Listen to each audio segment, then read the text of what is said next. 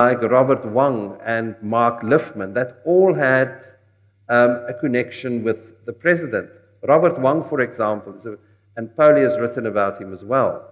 He's at um, a Chinese immigrant, came to commit. He was sentenced to, I think, 12 years imprisonment, inexplicably only served four years. Came out, formed a company by the name of Mpisi Trading, appointed Khulubuse Zuma as the chairperson of his company, uh, accompanied Zuma on uh, business trips to China, and in 2014 he imported T-shirts for the ANC during, their, during the election. Wong got a 1 billion rand um, tax bill from SARS at the beginning of 2014, which has now grown to 3 billion rand. That's already like 10% of Moyane's shortfall in his first tax year. But anyway, um, Wong has never paid his tax bill. Nothing has ever happened. Pauli has written about that as well. Mark Lifman, and you've all heard the name Mark Lifman a lot recently, a Cape Land gangster who's involved in the bouncer wars in the Western Cape, whose right hand man is a guy called Donkey Booysen, who's a very notorious gangster. Mark Lifman got a tax bill of 388 million rand. He's never paid his tax bill either. And I can go on and on and on about tax bills that were never paid after Moyane became the, Tom Moyane became the commissioner of SARS in October 2014. Um, when Moyane became the president, he dissolved the five investigative units of SARS. SARS doesn't have the ability to investigate, investigate organized criminals and extract taxes from the informal economy or the illicit economy. Um, it must be the only revenue service in the world that doesn't have an investigative capacity. Under Moyane, as I said, 30 billion rand shortfall in the first tax year, a 50 billion rand shortfall in the, in the previous tax year. So SARS has virtually been destroyed. Within a year of Moyane taking over, more than 50 senior managers left SARS. Same has happened in the Hawks, where good people, very dedicated civil servants like Anwar Dramat, Shadrach Sibiya, Johan Booysen, have been have been worked out of the Hawks. They were, they were literally, they were extracted from the organization by plant, by a range of dirty tricks, and I won't even go into that detail. State security, um, where Zuma in August 2016 appointed Arthur Fraser, who's a crony. Arthur Fraser was the man who handed the spy tapes to Zuma. And despite the fact that Fraser is implicated in a billion rand of wastage, Zuma still appointed him as our spy boss, which is a, a crucial position in the civil service. You know, so while we've seen political changes happening under Ramaphosa, and remember, I mean, we have to give the man some time, we haven't seen any changes in the organizations yet. You know, we're waiting for Abrahams to go, we're waiting for Moyane to go. But the, the law enforcement agencies have been hollowed out. There's very, very, very little left. So, Jacques, um, I want to talk for a moment about the future of our country. I have this interesting story. The other day, and I haven't told you about it yet, but the other day I came to Cape Town and I asked one of the NEC members. The ANC has an NEC body, a National Executive Committee.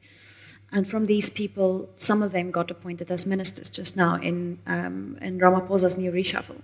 So one of these people that got appointed as a minister just now told me, I, I asked for a briefing about, about Ramaphosa and the ANC and where we're going and so on. And the person tells me that they read the book, The President's Keepers, and that it was the first time that they realized, and these are people that work with our country every day. They sit in parliament, they sit in committees, they're important people. Um, they're important for our country, and they make decisions that affect us all. And the guy tells me, I didn't realize the breadth and the width of the lie and the corruption and the rot in South Africa until I read President's Keepers. And when Gupta leaks came out, then we realized, and then we, we realized something must be done. Isn't that also an extreme indictment if someone in, in high decision making structures in the ANC comes to tell you that, you know, we didn't know. Mm. It reminds one very much of when the, when the previous dispensation, mm. when National Party ministers and somebody like F.W. de Klerk went to the Truth Commission, and they said, but we didn't know what was going on. We didn't know about the existence of Vlakplaas and Eugene de Kock and Dirk Coetzee and the CCB and these people and organizations. Nonsense. You know, if you want to know, you are going to know. You know, if, if these if these cabinet ministers or NEC members or whatever, if they have read Daily Maverick and the Mail and Guardian and these publications on a regular basis, they would have known what was going on. Remember that President's Keepers only came out at the end of October last year. I mean, Gupta emails, I mean, the, the, the, the work that amaBhungane, for example, the investigative arm of the Mail and Guardian have done. You know, it is, it is, it is a very lame excuse to say, listen, we didn't know what was going on. Zuma's corruption comes along, for, I mean, it's been going on forever. You know, it's not as though it started in 2017 or 16 or 2015. It's been, been going on forever. I mean, the way that people like Anwar Dramat, for example, the dirty tricks that they, that they played against him, I mean, you know, it's old, you know, they, they must know about it. So, journalists are very critical about the ANC and about the governing party. But let's be crit- critical about journalists themselves at the moment. As, as proud as we are about what we did and how we sort of turned the future. Would you agree? Your book and, and mm. the Gupta Leaks sort of turned the future. I think, I think in the past two years, the, the media has been mm. magnificent. Yeah. You know, I've always said there's only three factors standing between us and a gangster state. And the one is the courts, which has been doing magnificently. The other is civil society and the media. Mm. You know, if it wasn't for the media, I mean, we wouldn't have known about Nkandla or the Guptas or anything like that. So they have been doing very well. But now our conundrum is this. If it weren't for the media, we wouldn't have Johan Booysen out. Mm. We wouldn't have Dramat out. We wouldn't have SARS' problems with, um, um, with uh, Ivan Pillay and Johann van Loggerenberg out. Um, there might have been problems in the SSA that wouldn't have, mm. have manifested. Can you yeah. discuss well, that for us? You know, unfortunately, there's also some rotten apples in the, in the media. And the inve- in- investigative unit at the Sunday Times was used by forces to help to get rid of people like Anwar Dramat, Shadrach Sibiya, Johan Booysen, and the top structure of SARS, basically by planting stories on them. Um, you know, in the, in the case of, of Johan Booysen, for example, who's a fantastic policeman, the last five years of his police career, he basically fought suspension after suspension after suspension. Because of a story that was planted in the Sunday Times about the fact that he was directly involved in, so, in the so called Cato Manor death squad. Now, I think it was quite legitimate for the Sunday Times to ask questions about the high death rate of the Cato Manor policemen, but, to, but they desperately tried to link um, Johan Booysen directly into the activities of the unit. And why did they do that? Because Johan Booysen was investigating Thoshan Panday, which is a crony of Jacob Zuma. Um, Anwar Dramat was removed as the head of the Hawks, and he's a, he's a terribly credible policeman. Anwar Dramat was removed as the head of the Hawks because he wanted to, uh, to charge Richard Mdluli, who was the head of crime intelligence and also Zuma crony. So they had to get rid of Anwar Dramat. As I've just told you, they had to get rid of the top structure of SARS. And they used the Sunday Times, who came with their so called SARS rogue unit um, narrative. They published um, something like 120 articles over a period of two years about the fact that the investigative units at SARS were rogue. They claimed that they backed Zuma, they were running a brothel. It was all nonsense. th- this didn't exist. I mean, the Sunday Times have apologized for, um, for, the, for, the, for the articles they published. Um, most of the journalists of that um, rogue unit left. Incidentally, two of them want to sue me now for defamation because I say ugly things about them in the book. And I've written back to them and I said to them, I would love you to sue me. Come, let's go to court. Anyway, um, so, so the, media, the media has been used and the media has been abused in order to, uh, to facilitate state capture, unfortunately. So, Jock, we are as good journalists, are as good as our sources, and sometimes as our whistleblowers. And these people, sometimes we ferret them out, and other times they, they tend to find us. Mm. Can you tell us a bit about how you found some of these people and how you kept them safe? Because obviously everyone is looking for your sources at the moment. Um, and, and tell us about this Russian that you had met and how yeah. that happened. Um, you know, when I, when I started writing the book, one of the first people I went to see was, in fact, Pauli, to go and ask about certain, certain characters. Now, what helped a lot is the fact that I wasn't a journalist anymore when I wrote this book. With other words, there was no kind of like any kind of focus on me. I could do it very, very quietly. And I didn't plan to write this book. I didn't plan to ever write again. You know, I resigned from journalism um, towards the end of 2014. And then for two years, I cooked very happily in my, in my kitchen.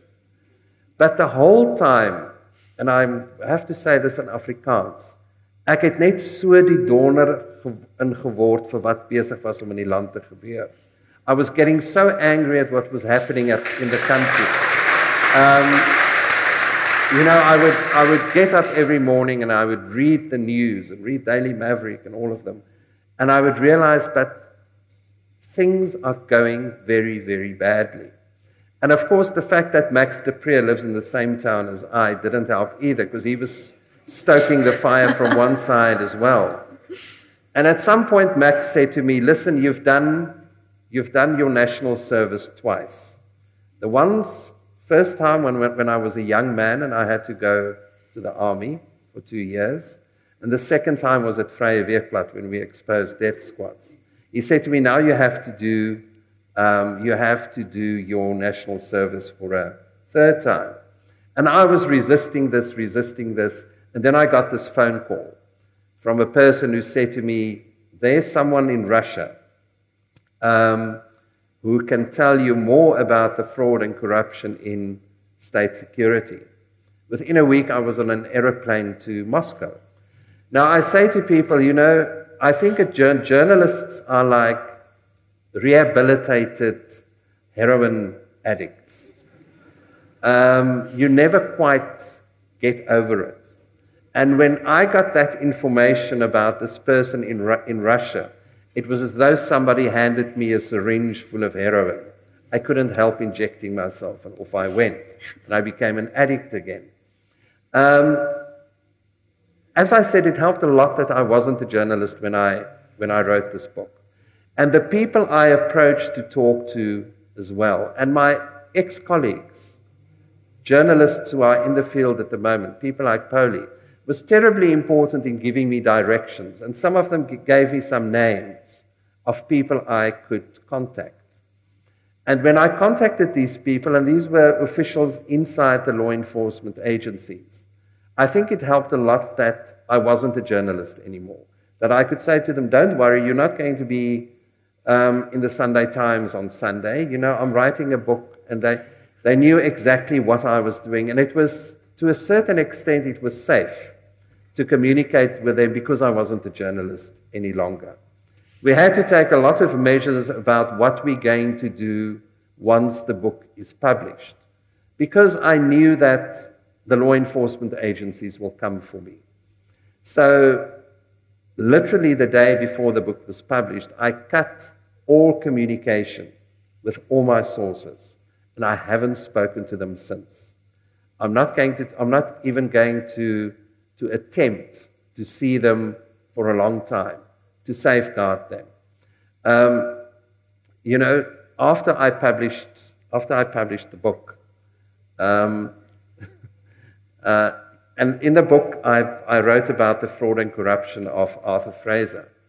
And then someone I knew, in fact, I'm going to mention her name, Glynis Breitenbach, who's the DA, and also one of the people who, who had to leave the NPA because she wanted to prosecute Mdluli. Anyway, Glynis Breitenbach, and she won't mind me telling the story. Glynis Breitenbach got a phone call from um, an official in the State Security Agency who wanted to give her the reports of the Inspector General of Intelligence about Fraser and the, and the failed project he, he, he, he controlled.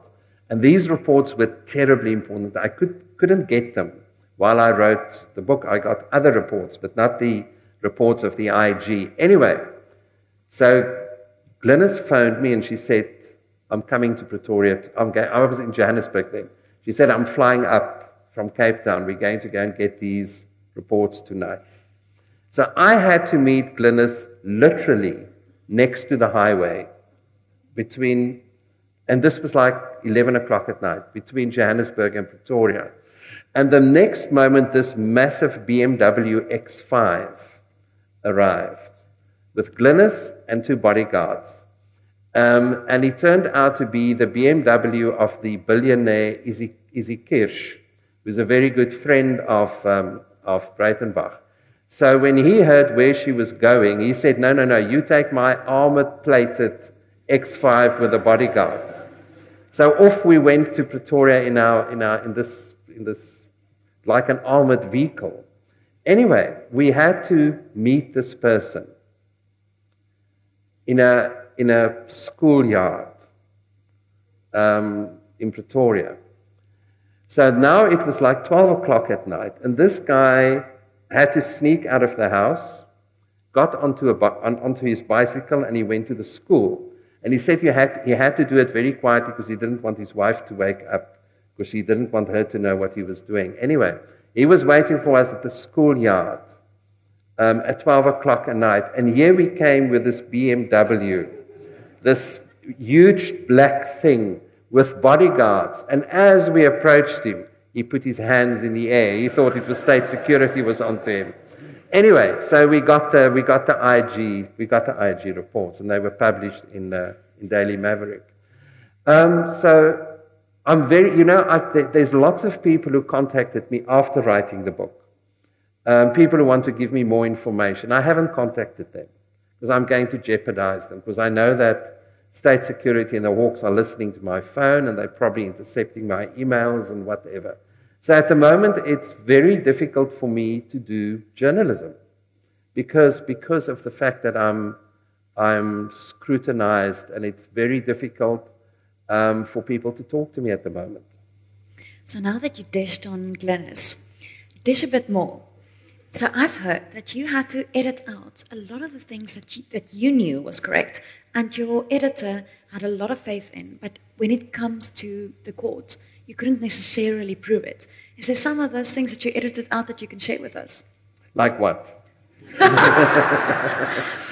you know, Mr. Know, Zuma is gone now, so maybe start with Mr. Well, Zuma. you know, when you write a book like this, um, when I started writing the book and I had a discussion with the publishers, they said to me, Do you think you can write 90,000 words?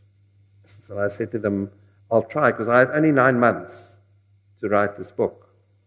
I said to them, and do the research. And I said to them, I'll try. And when I get to 100 to 100,000 words, they say to me, okay, you can stop now. And when I get to 110,000 words, they say to you, you must absolutely stop now. There's much more I could have written. And there's much more, there is, there is, there is stuff we took in, out in the end because, you know, listen, we, we consulted with, with senior counsel, with the senior advocate before we published the book because we knew they were going to be, they were going to be legal challenges.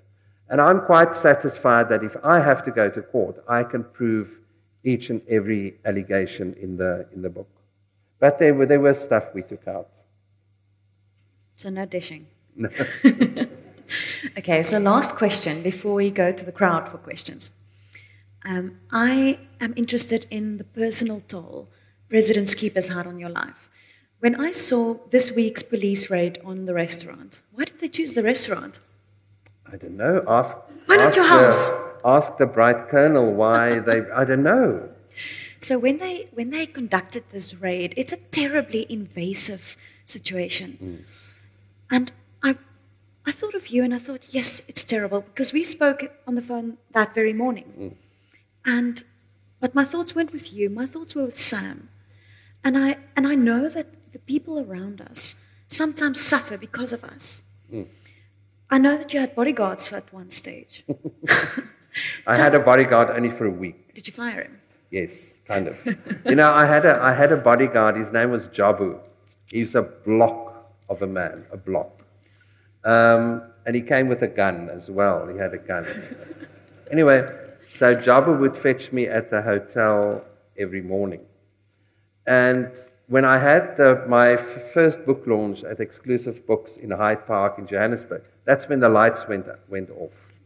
And Exclusives is still convinced that it was sabotage. I Eskom's don't know. But anyway, again. yeah. so that night when the lights went off, Jabu grabbed me off the stage and we went through little alleys and into the car and gone. Anyway, so the next night I had my book launch at the Exclusives in Pretoria. So when he came to fetch me, then he also had a torch. And he said he's not taking any chances. So I had, a, I had a bodyguard for a week and then I didn't want a bodyguard anymore. You know, lots of people ask me, Aren't you scared? And no, I'm not scared. And I'm not scared because of two things. The first is, is that millions of South Africans are protecting me. That's the first one. People like you. And the second thing is, I have the Constitution. So come, come on. You know, this is not apartheid South Africa. This is not Zimbabwe or North Korea or Turkey or anything like that. This is South Africa, and we live in, in a constitutional democracy. So I'm not scared. You know, I had a few, a few threatening phone calls. Now, I've always believed that if somebody calls you, he's not serious to kill you because he's not going to warn you beforehand. So I'm not scared that, you know, the, the biggest, the biggest, and, and, you, and I mean, you're a journalist. You know that once you've started something, you have to, you have to see it through. There's no way that you can, you can stop halfway. So I have to go through it. The most, the most terrible thing of this whole experience for me has been the fact that I have to talk to people. And I have to tell, I'm very honest about it. Um, I am not particularly, I'm not an extrovert, certainly not. I love to sit in my corner and write and that kind of thing. So the, the fact that I suddenly became a celebrity has been a terrible thing for me. You know, I can't go anywhere. I mean, a while ago, I got away for two weeks. I had to go overseas. Otherwise, people recognize me. I can't move around in my own country anymore. I go to checkers and people stop me and they want selfies, you know? no, it is terrible. I mean, the worst is the airport because you can't escape from an airport. I mean, when you're in, an airport, you're in an airport. And yeah, it was, it's been ter- that's been terrible for me. Um, you know, I also don't know what I am at the moment. I don't know whether I'm a chef, whether, whether I'm a writer, whether I'm a journalist. I suffer from an identity crisis at the moment, but I'm, I'm sure I'll get over it. Um, so that's been, that's been terrible. And I mean, there's a huge amount of speaking lying ahead, you know, book festivals and, and whatever. Um, yeah, the toll for my, for my wife Sam has been, has been terrible. Also because it's removed me from the Red Tin Roof and removed me from the, the guest house and the restaurant. So I've given her a lot, a lot to, to cope with. And uh, yeah, I mean, this, this, the stress is, is very high. But I mean, you know, like, like the raid this week, all they've accomplished is to, quite frankly. You know, so there's no way we will back down or anything. I mean, I will see this through.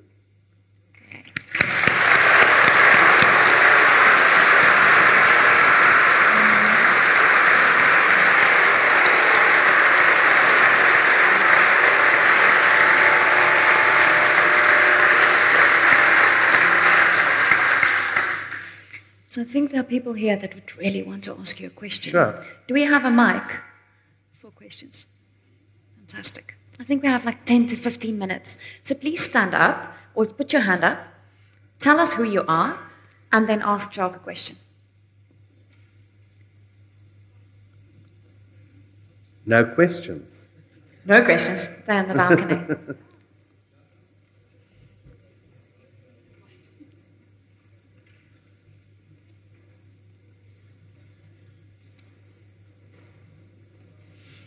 While she's taking the mic up there, I want to ask you: Are you going to write a, a, a second book, a follow-up with all the? Don't ask me that.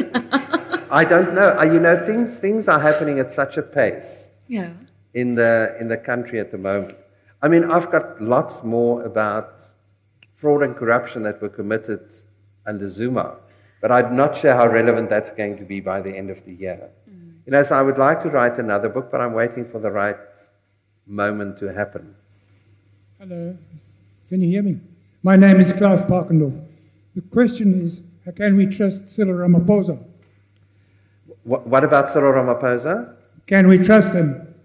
Can we trust him? We can trust him as far as, we, as far as you can trust any politician, quite frankly. And that's not very far. Um, I have very, very little faith in politicians.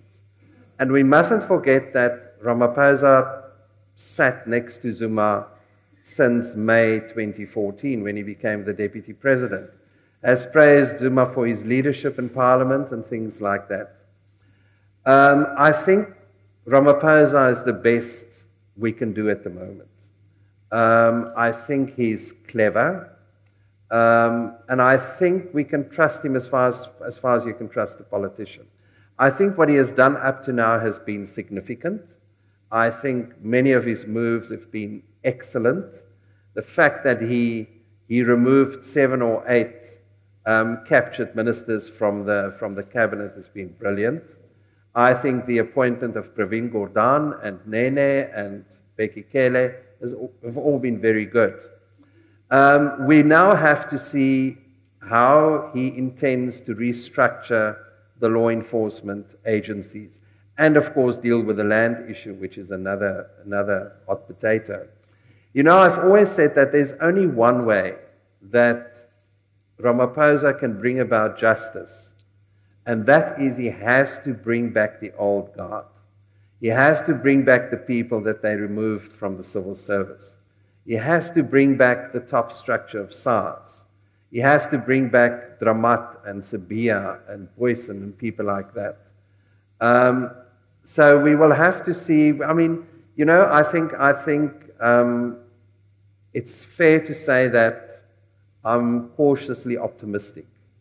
And my God, what a relief to get rid of Zuma, you know. And I truly believe he is going to be charged, and it's going to be very good for the for the psyche of the country, and it's very, going to be very good for justice if he is charged. But I, I'm hopeful about Ramaphosa. I'm not so hopeful about the people surrounding him, but let's, let's see how he copes with it. And maybe we should also trust in the people. We should trust in the whistleblowers who started this. Abs- absolutely. I mean, you know, there's, there's, there's so many people here that have, that, have, that have really sort of like done so brilliantly. People, civil servants that were prepared to come forward and speak out. Um, people who have put their people who have put their careers on the line. Um, people who have put their jobs on the line to speak out about this corruption and, and state capture.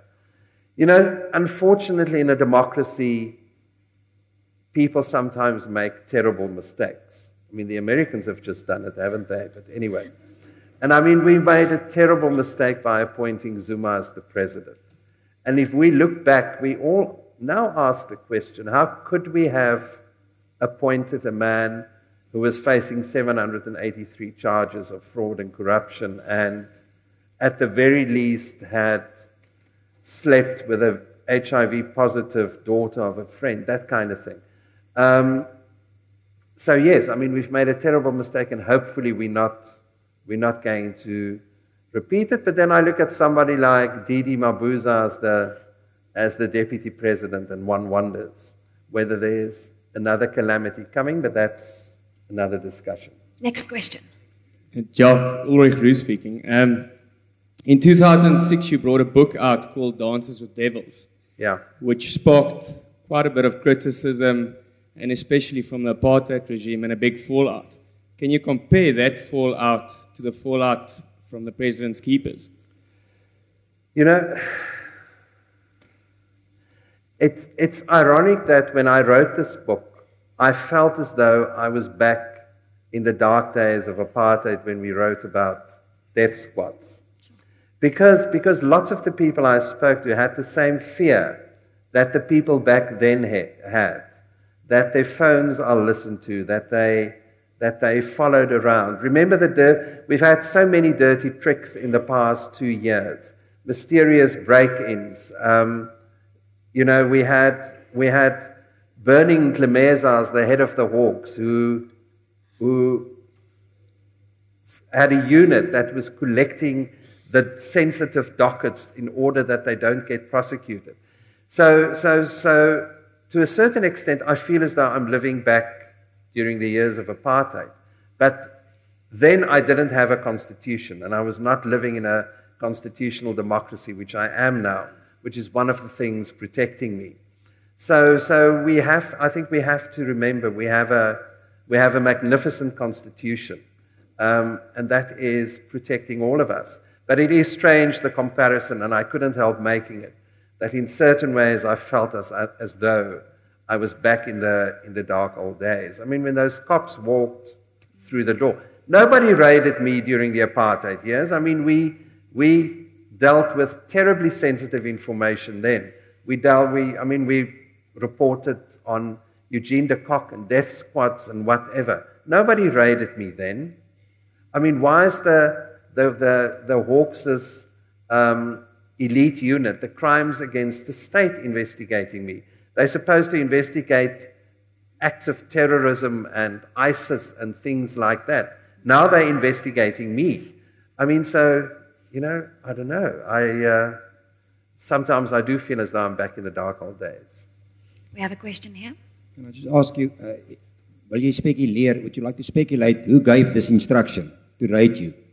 Sorry, say again. Would you like to speculate, who do you think gave the instruction now to raid you? Well, you know, as, as I've said before, we've had political changes. We haven't had changes in the, in the police yet. Now, I've just mentioned the name of Berning Ntlemeza, who was a terrible man. Um, and he again appointed nine provincial commissioner, provi- provincial heads of the Hawks. Many of them have never been policemen before. He appointed, for example, um, a person as the head of the Hawks in the Western Cape, who used to work for the asset forfeiture unit in Kimberley and got 47% in her last assessment at the AFU. She's now the head of the Hawks in the Western Cape. She knows nothing about police work. Um, Ntlemeza appointed a man called Prince Mokotedi as the head of the Hawks in Gauteng. Prince Mokotedi comes from the NPA, where he was the head of integrity. And he left the NPA just before he would have faced dis- uh, disciplinary charges. Mokotedi is the head of the Hawks in Gauteng, and I wouldn't be surprised if that is where the, where the instruction come from. And if Cyril Ramaphosa hopes to make any progress, he'll have to get rid of these people. And we all know it's terribly difficult in South Africa to get rid of a civil servant. It's going to cost a huge amount of money um, because they all have five year contracts, and they probably now are into year two or three of their contracts. Um, so the rot, the rot still exists in the police, and I suspect that's where the instruction come from. The cops who were there, really, I mean, the colonel told me a few times, I'm only doing my job, I'm only doing my job. You know, but somewhere in the top echelons of the Hawks is a person who thought it's okay to raid um, a journalist. We have another question there at the back. Could, could, could you say something about Zuma and populism? Zuma and? Populism. Populism. Oh, populism. You know, it's such, such a, loaded, a loaded term, and it's not really my field of expertise. Pauli can probably say more about it. I think, I think populism is so dangerous for us Because the whole land issue is based on, on populism. It's based on the populist idea that you can take farms or you can take land and you can simply redistribute them. Um, so I'm very wary about, about populism. And, and Zuma very much um, was a populist. And I mean, the irony is, under Zuma, less land was redistributed than under the combined regimes of Thabo Mbeki and, and Nelson Mandela. So in, in Zuma's case, who was a complete populist, um, you know, it was, it was, very, dis- it was very destructive for the ANC. The whole, the whole, the whole, um, the, the fact that they adapted at their conference a resolution to expropriate land without compensation um, was, wasn't thought through at all. And I don't know whether they realize what the consequences of that is. But I'm not really an expert in that field. Another question? Yes, please. Hi, I'm very. I'm, I'm Erica from Stellenbosch. I'm very happy to hear that you that you are confident that Mr. Zuma will be charged. Um, I'm more worried about Ace Magashule, who is actually um, presently, I think, the most powerful person in the ANC. in my, my personal opinion. Um, what do you think are the chances that uh, Ace Magashule will be charged and removed from government because he seems to be the one calling the shots? I, am going to throw that question to Pauli. no, I mean, she's, she, she works on this. What's the chance, chances of Magashule being charged? Because I think Zwane is definitely in line to be, to be charged. Magashule? So Magashule, his involvement was also in the Steenhof farm situation with the Guptas and the money that was laundered through Dubai right back to pay for the wedding and the Optimum mine. And Ace Magashule always covered for Zwane. And I think the most important thing that gave us hope for the Hawks was the psychological barrier that they thrust through the moment that they gone and raided uh, Ace office. It is, it is not a small thing. Um, there are journalists here who can tell you that five years ago, you wouldn't have thought ever that the ANC offices somewhere would have been raided. It was, it was quite a thing. So I, I think there's definitely a chance, but it will also come down on us. And if I say us, I mean the people of South Africa. Because the people of South Africa got us to this point. Don't think that it's only the politicians that now make decisions and that, that we're now sort of on the right track. It's the people of South Africa that said, I'm putting my foot down, not in my name, and you're going to do the right thing now. NGOs started to initiate court cases. People from people like everyday man started to give journalists information. You strengthened the journalist's hands. And the same will be with ACE if we start to, to again retract into ourselves, and if we decide to not be involved as citizens, ACE won't be charged, I promise you that. If we stand up and if we say, not in my name, ACE will be charged. I think it's very important what she's saying is, and I always say to people, don't think because Ramaphosa is now in power, we can all now sit back no. and relax for a while. We can't. Um, you know, it was, it was civil society that got rid of people like Ntlemeza and Jiba and is probably going to get rid of Shaun Abrahams and people like that. And it was, it was, it was civil society um, that brought Zuma to his knees. It wasn't, it wasn't the ANC that brought Zuma to his It was, it was civil society. It was the, the outcry by civil society. And we have to be very careful that we don't sit back and relax. We have to be vigilant. People have to give information to the media.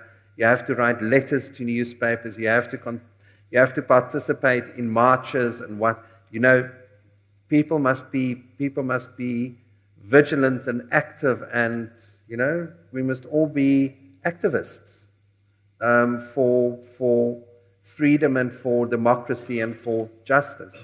Um, and I think, yeah, then somebody like Magashule might be charged. On that note, Almarie just cut us off. So I just want to read the, the, a very last bit from your book and then say thank you to everyone here because it's people like you that give strength to Jacques and what he does. So, one of the most powerful sentences or paragraphs in your book came right at the end, at the end of your acknowledgements. And you said here, I am deeply indebted to them, and you're talking about your sources and, your, and the people around you. I'm deeply indebted to them and honor their courage for putting their jobs on the line by divulging the dirty secrets of Jacob Zuma's keepers to me. And then this powerful line I hope I have done justice to their pursuit for a better South Africa. If we have people like that in the country, we'll be fine.